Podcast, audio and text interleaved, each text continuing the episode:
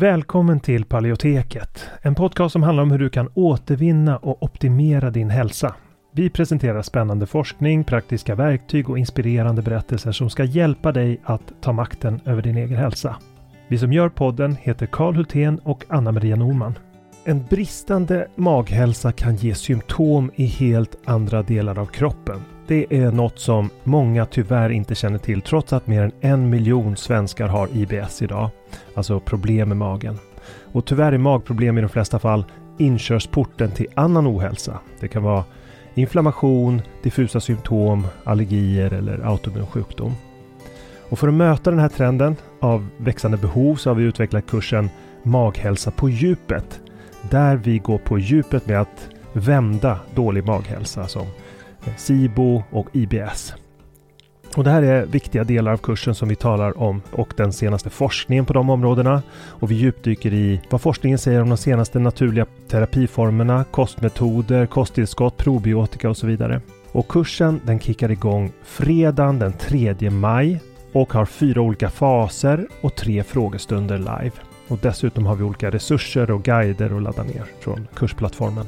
Så du kommer få lära dig allt om hur du kan använda kosten som en väg till läkning, när, var och hur, hur du kan använda olika kosttillskott och probiotika.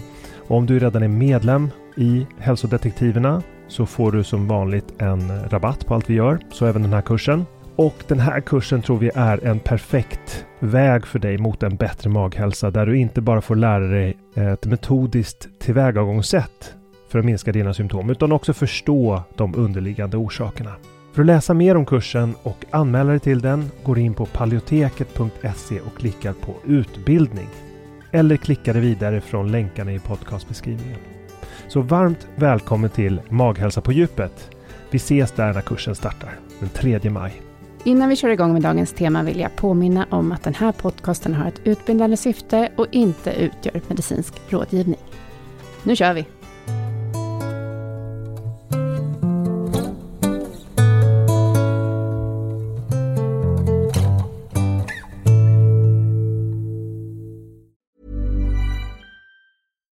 Hiring for your small business? If you're not looking for professionals on LinkedIn, you're looking in the wrong place. That's like looking for your car keys in a fish tank.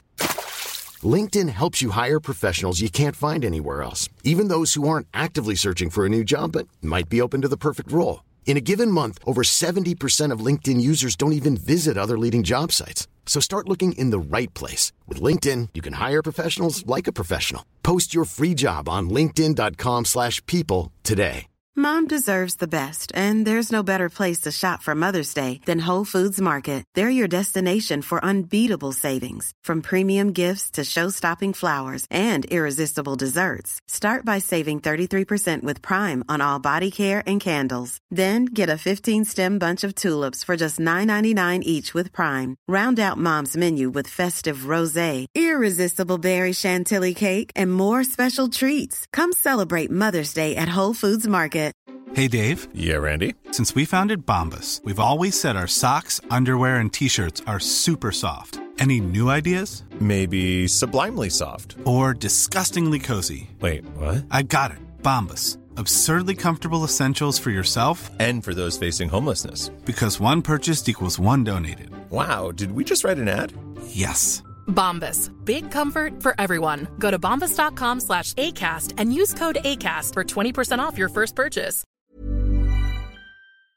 Welcome to Paleoteket, or Paleoteket, a Swedish podcast about healing, diet, and lifestyle, with me, Anna Maria Norman, and my partner, Karl Hultén. This podcast is usually in Swedish, but in this episode, we interview Angie Alt and Mickey Trescott from the autoimmunewellness.com, and therefore, this episode is in English. They are health coaches specialized in autoimmune health and the authors of the Autoimmune Wellness Handbook, which we will talk about in this episode. The interview was made on Skype, and my microphone did not work as it should, so please excuse us for the sound quality uh, in the episode.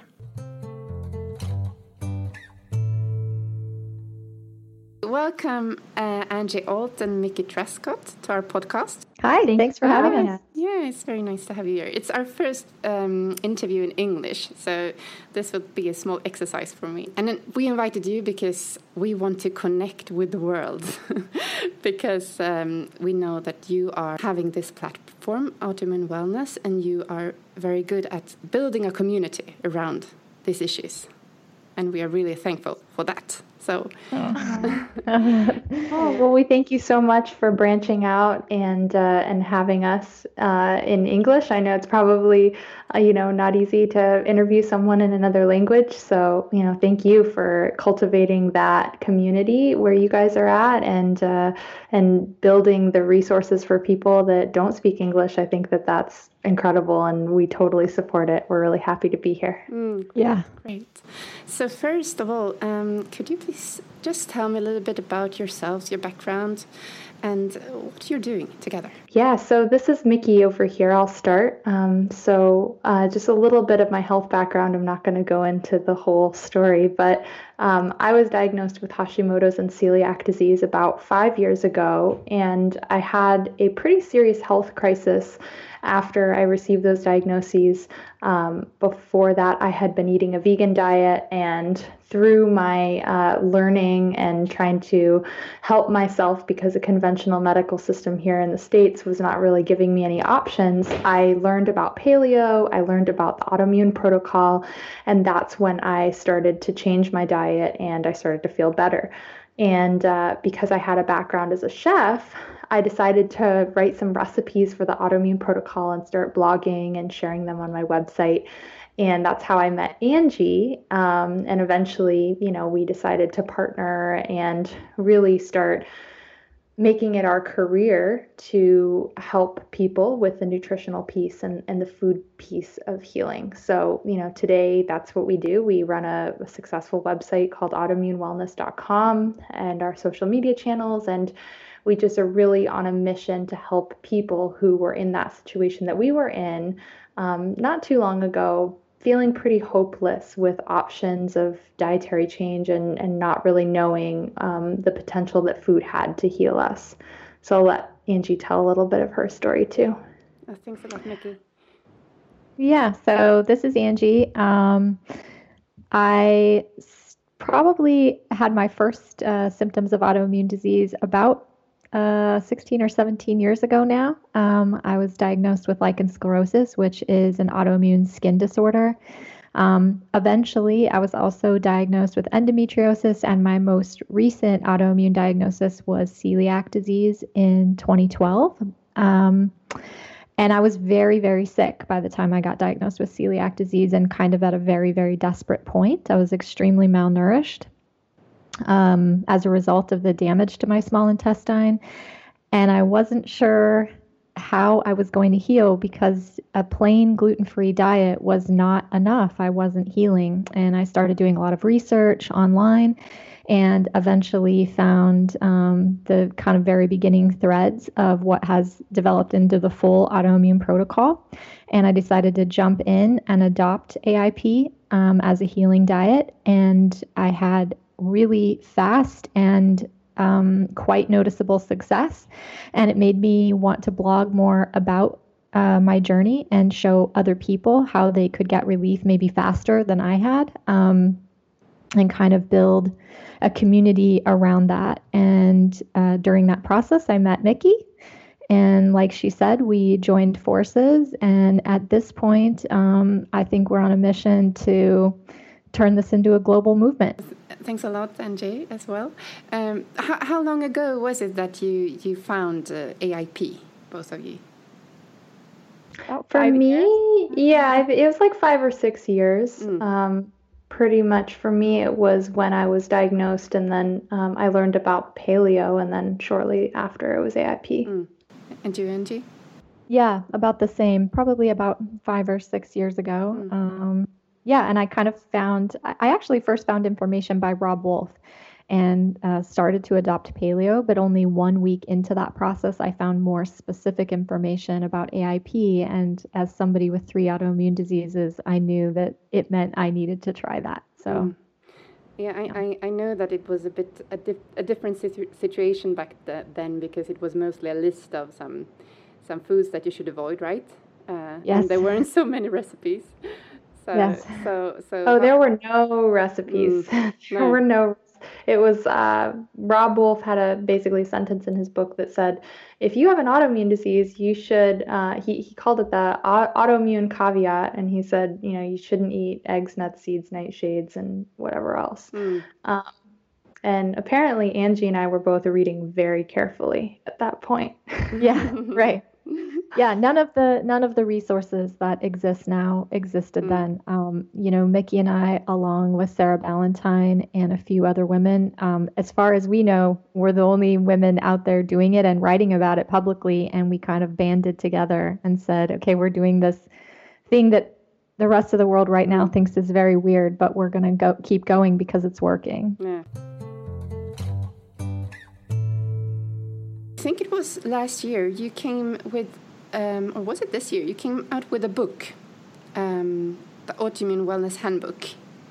Um, Yep, that that was last, last year. Last year, Yeah. yeah, yeah. Yeah. And and this Yeah. goes a bit beyond uh, um, diet, right?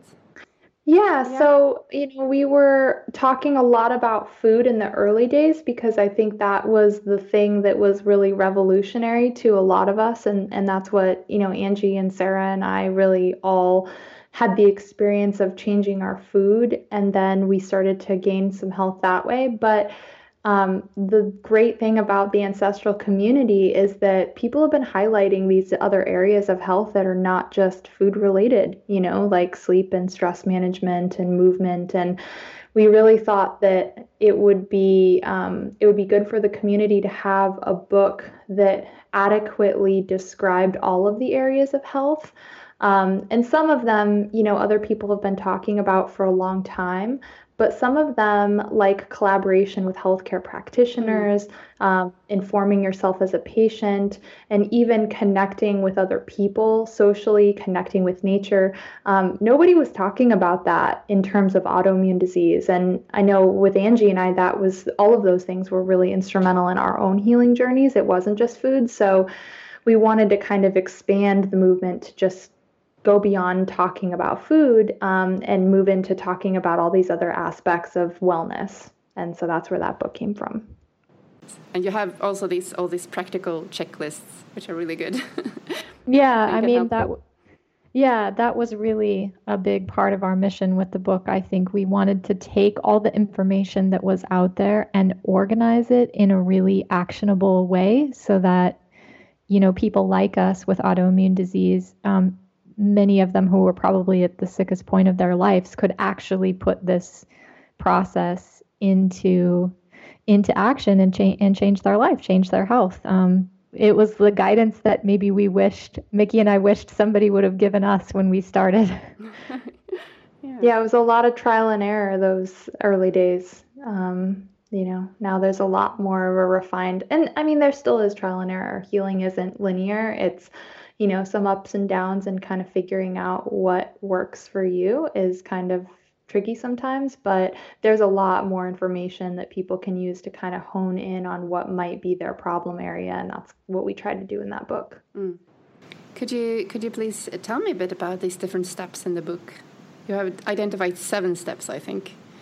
Yes. So um, our first step is inform. So um, basically, that covers all of the the autoimmune patient's responsibility to learn about their condition and what that means for them as far as maybe testing, um, maybe treatments, both natural and conventional, because we do believe in combining the both, both the best of both natural medicine and conventional medicine um, in our approach, and then just kind of knowing, you know, being aware of what to expect and um, and kind of learning on the autoimmune journey, um, being your own best advocate. That is something that Angie and I have both done ourselves, and and we've learned that there isn't anyone else that is going to be more of an expert on us than ourselves. So, um, informing yourself is is I think the first step um, to having um, success at healing from autoimmune disease. Second, we move on to collaborate, which talks about how to build a team of collaborative practitioners. So, you know, a team might just be you and a doctor, it might be you and a nutritionist, it might be all three of those people. Um, you might bring in a massage therapist. Um, but really, it's just kind of talking about all of the different complementary care practitioners you can have to help you on your journey, how to figure out which ones might you might need, how to prioritize, um, how to make sure that they're working as a team, how they're not um, undermining their your authority, um, and just you know how to manage that part of those relationships. Because for a lot of us, we have serious autoimmune diseases that maybe you know we need to be going in and getting regular lab work or maybe maybe we need to take medication. That's absolutely not a failure in this movement um, because we are all about using all the tools we have to live our best life even though you know food and lifestyle changes can bring a lot of people a lot of the way to healing. Sometimes it isn't everything. So that collaborative piece is really important. The third step is nourish um, and this is the step that your listeners are probably really familiar with. So this is all of the dietary changes. Um, and we we present diet as a spectrum. So, you know, the elimination diet isn't always appropriate for everyone, but we kind of go backwards from gluten free, dairy free, sugar free, paleo, and then we talk about AIP. And, you know, for some people that are really motivated and really ready to go, maybe AIP is the way to go. But for other people, you know, that slow and steady approach, maybe starting with a gluten free diet might be the right choice. So we give lots of options there. Um, Angie, do you want to start with step four? Yeah, sure. So step four is rest. Um, this is kind of, you know, says it all. It's about sleep um, and how important sleep is to the healing process um, and what a big difference it makes, especially for those with autoimmune disease, since so much repair in our bodies happens during this period. So we really kind of go into all of that science and then also practical ways to start um, you know changing this part of your life so that you can get the the best rest and and the most improvement with your disease. Um, the next step is breathe and breathe is about stress management. Um, this is kind of an epidemic in our world. Uh, almost everyone is stressed out. Um, it's especially bad in the united states i think. Um, and so we really focused on telling people um, how important it would be to heal um, if they if they didn't you know how important to healing managing your stress would be and and not paying attention to that part could be a really important piece of the puzzle that you're missing. Um, and we again talked about practical steps that people could take to actually uh, manage stress and hopefully achieve the healing that they're looking for.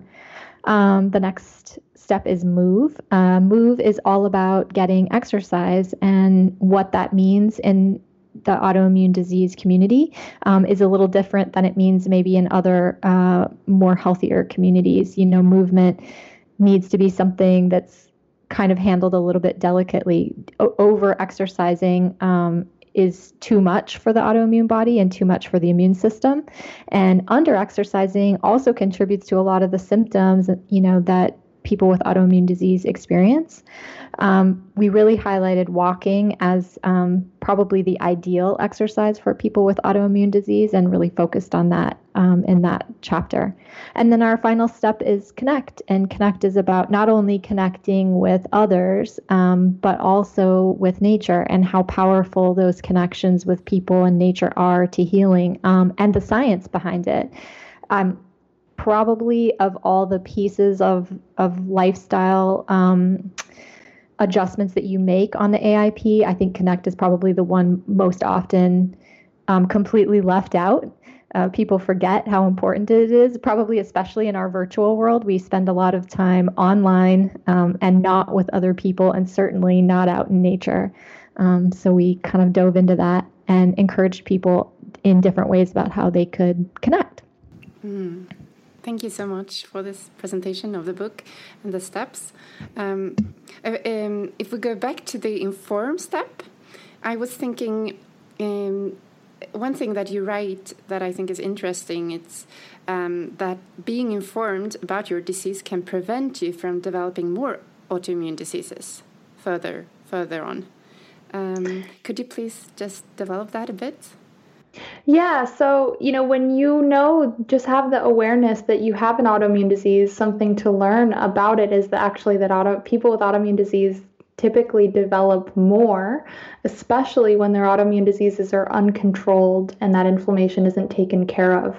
So, um, just knowing that you have an autoimmune disease and that even maybe if you don't have some really drastic symptoms, it's uh, a good time to start making some changes and, and try to strive to live a healthier life in order to prevent future autoimmune diseases. That's a piece of information that I think Angie and I both, when we think back on our journeys and, you know, those fir- first early signs of those autoimmune diseases, we didn't know that we had them. And knowing that would have helped us maybe get on to a better diet or change our lifestyle. Um, you know, I look back and I think there, I probably wouldn't have, but um, it's, nice for people to know that if they find themselves there in the early days of an autoimmune diagnosis that there is a lot of work they can do to prevent things from developing long term. Mm. And I think also, it's not sorry. Oh, sorry. Well, I was just going to say I think it's not only um, all the steps that you can take for yourself personally if you know that piece of information but it's also an important piece of information to have for your medical team mm-hmm. you know if if i had known for instance that my first diagnosis was an autoimmune disease i could have shared that information with doctors that i worked with later on um, and maybe helped them um, narrow in on what could be wrong with me and i could have gotten diagnosis of other diseases perhaps faster mm. This, I think, is really uh, interesting because you also talk about this in the, the second step about collaborate. That, as I understand it, you mean that it's actually the patient's responsibility to to make sure that this collaboration exists between the different healthcare providers by yeah. by facilitating the communication, right? Yeah. Yeah. And and also as a patient, a lot of people don't really think as patients that they're really hiring doctors as if, you know, you would hire someone to put a roof on your house. You know, you have an expectation um, that that person is going to provide a service for you. And I think a lot of times people um, think of doctors as like almost holy, you know, they, they whatever they say goes. And that doctor can kind of have maybe a bad attitude or, you know, a bad bedside manner or not be collaborative. But because they're a doctor, they can get away with it. And part of what we want to get out there is that you know, you don't need to call all the shots. Obviously, you're hiring a doctor because they have some information and they have some services that they can provide to you. But realizing how that relationship works and how to figure out which doctors are collaborative and willing to work with you and which ones aren't. I mean, that's a skill that everyone that has an autoimmune disease is, and is going to need a lot of medical treatment is going to have to develop. Hmm. So, so how do you practically do that? How do you create this team? How do you convince them to collaborate? I mean, I think uh, in the beginning, it probably takes a little bit of trial and error. Um, you may not even understand what you need out of a relationship with your doctor in the beginning, but over time, I think you understand it better. You're better at communicating yourself um, and that makes it more clear with the doctor as well. Um, you start to recognize the doctors who will be the right fit for you, and you're able to communicate more freely with. Um, I think you're probably also better at identifying who those people might be even before you've talked to them. Mm-hmm. Um, you maybe get a little better at, at the interviewing skill, the pre interviewing skill, so you understand where to find these people and, and how to collaborate with them. Um, and then once you're there um, and working with them, I think it's you know just a matter of learning to advocate for yourself, how to speak up and say what you need, um, and weigh the information that the doctor is presenting along with the information that you yourself know. You know, if you've taken that informed step, the first step seriously and educated yourself well, you'll be able to better vet the information the doctor is sharing with you. Mm. Um, yeah, to, and help those relationships be more collaborative. Hmm. You actually describe somehow that you have to be the leader yourself in your own healing journey.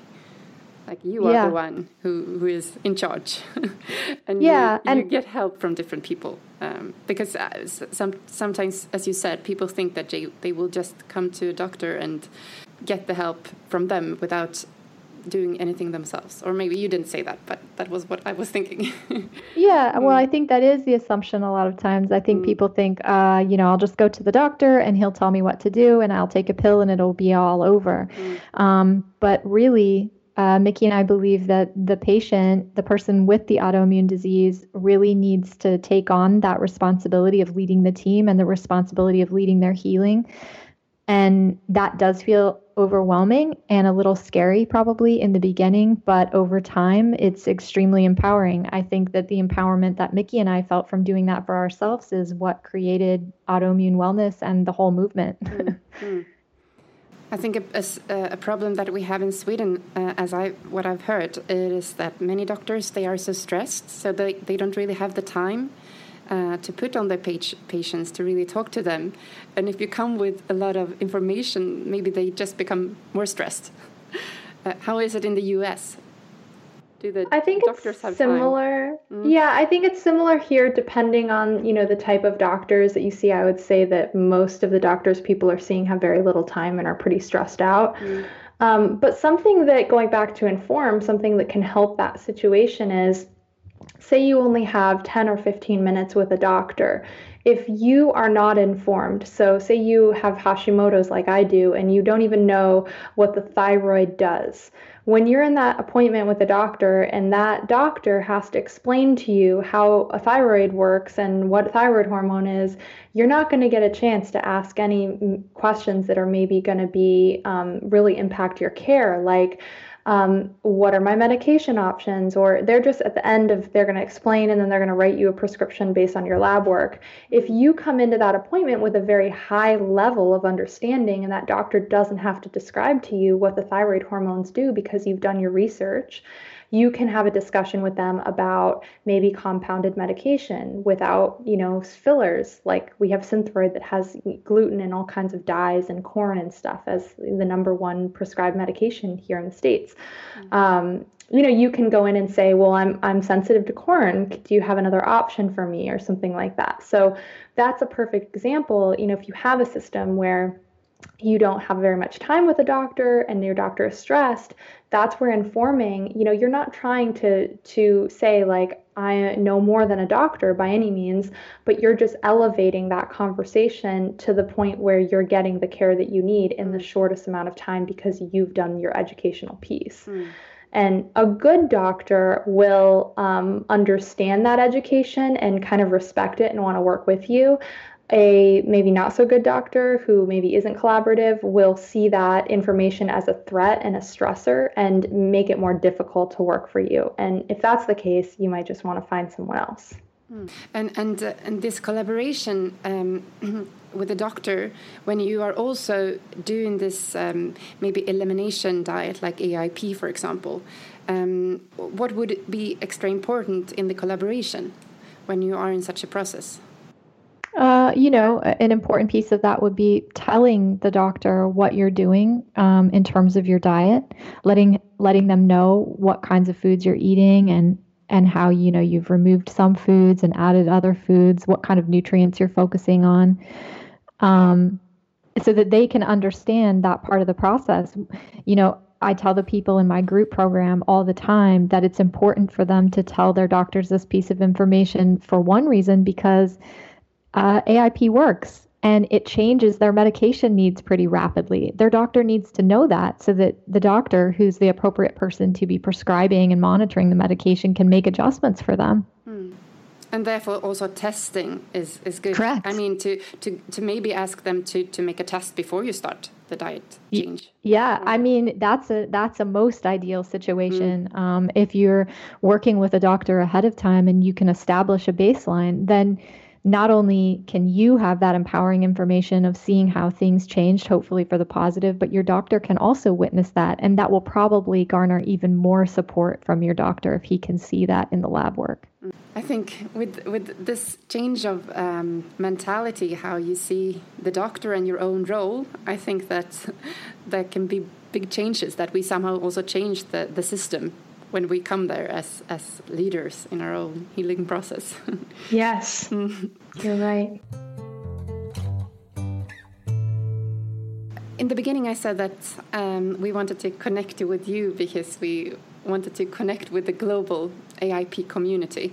Um, so, uh, how would you describe it right now? How how is it develop, developing? How what are the next steps in the community? I, I guess this is sort of like the state of AIP, a little bit of a review of it. yeah. Um, I mean, you know, I'm sure Mickey has lots to add here. From from my point of view, I see it uh, rapidly becoming global. I I think that um, you know, uh, there's a a movement even in places like the Middle East. Um, it's popping up a little bit in Asia. Um, there's definitely uh, folks in South America who are doing it. Obviously, there's a European movement. Um, I see more and more resources being developed in other languages um, so that people learning about AIP is not dependent on their ability to, uh, you know, speak English or, or read in English. Um, I, I think it's amazing. I, I see people, you know, really taking up the the work of of spreading the information, like you guys are doing in Sweden, um, and really doing that on their own, and then plugging into the community. I, I it's amazing. I love seeing it. it's not just an American movement. I, I think that the next wave will not be very American focused. it's global now, and uh, we are also honored to be a part of it. And it's been very nice to talk to you today. Yeah, Thanks thank you so us. much for having us, Anna Maria. And um, I'm sad that we didn't get to connect. I was in Sweden earlier this summer, but you guys have uh, you know a big opportunity for um, amazing food where you're in your part of the world. You know, there's definitely a, an abundance of great great ingredients. So mm. you guys are very lucky. You live in a beautiful place. Yes you and you were here during the summer so hopefully yep. you saw the best part of sweden yeah. in the summer. Yep. Yep. All right. Okay thank you. Have have a nice day. Yeah you too, you too. bye. Thank you for having us. Bye. Even when we're on a budget we still deserve nice things Quince is a place to scoop up stunning high end goods for 50 to 80% less than similar brands. They have buttery soft cashmere sweaters starting at $50, luxurious Italian leather bags, and so much more. Plus, Quince only works with factories that use safe, ethical, and responsible manufacturing. Get the high-end goods you'll love without the high price tag with Quince. Go to quince.com/style for free shipping and 365-day returns. Mom deserves the best, and there's no better place to shop for Mother's Day than Whole Foods Market. They're your destination for unbeatable savings, from premium gifts to show-stopping flowers and irresistible desserts. Start by saving 33% with Prime on all body care and candles. Then get a 15-stem bunch of tulips for just $9.99 each with Prime. Round out Mom's menu with festive rosé, irresistible berry chantilly cake, and more special treats. Come celebrate Mother's Day at Whole Foods Market Imagine the softest sheets you've ever felt. Now imagine them getting even softer over time. That's what you'll feel with Boll and Branch's organic cotton sheets. In a recent customer survey, 96% replied that Boll and Branch sheets get softer with every wash. Start getting your best night's sleep in these sheets that get softer and softer for years to come. Try their sheets with a 30-night guarantee. Plus, get 15% off your first order at bollandbranch.com. Code BUTTERY. Exclusions apply. See site for details. Tack så mycket för att du har lyssnat på det här avsnittet av Paleoteket. Vi hoppas att det har varit till nytta för dig. Om du vill få hjälp att uppnå dina hälsomål står vi redo att hjälpa dig. Vårt medlemskap Hälsodetektiverna är en gemenskap online där du träffar likasinnade, får hälsoinspiration hela året och kan ställa frågor direkt till oss på våra medlemsseminarier. Nu under våren startar också två onlinekurser. AIP Masterclass är kursen för dig som vill lära dig allt du behöver veta om kostupplägget AIP, autoimmunprotokoll, samtidigt som du blir guidad genom en stegvis process med både läkningsfas, utvärdering och återintroduktioner. Sen har vi kursen Maghälsa på djupet som riktar sig till dig med IBS och misstänkt eller konstaterad SIBO. Vi fokuserar helt på vad du kan göra med kost, livsstil och strategiskt utvalda kosttillskott. För dig som föredrar att läsa finns också våra fyra böcker. Besök paleoteket.se för att veta mer och glöm inte att prenumerera på vårt nyhetsbrev. Du hittar länkar i beskrivningen till podcastavsnittet.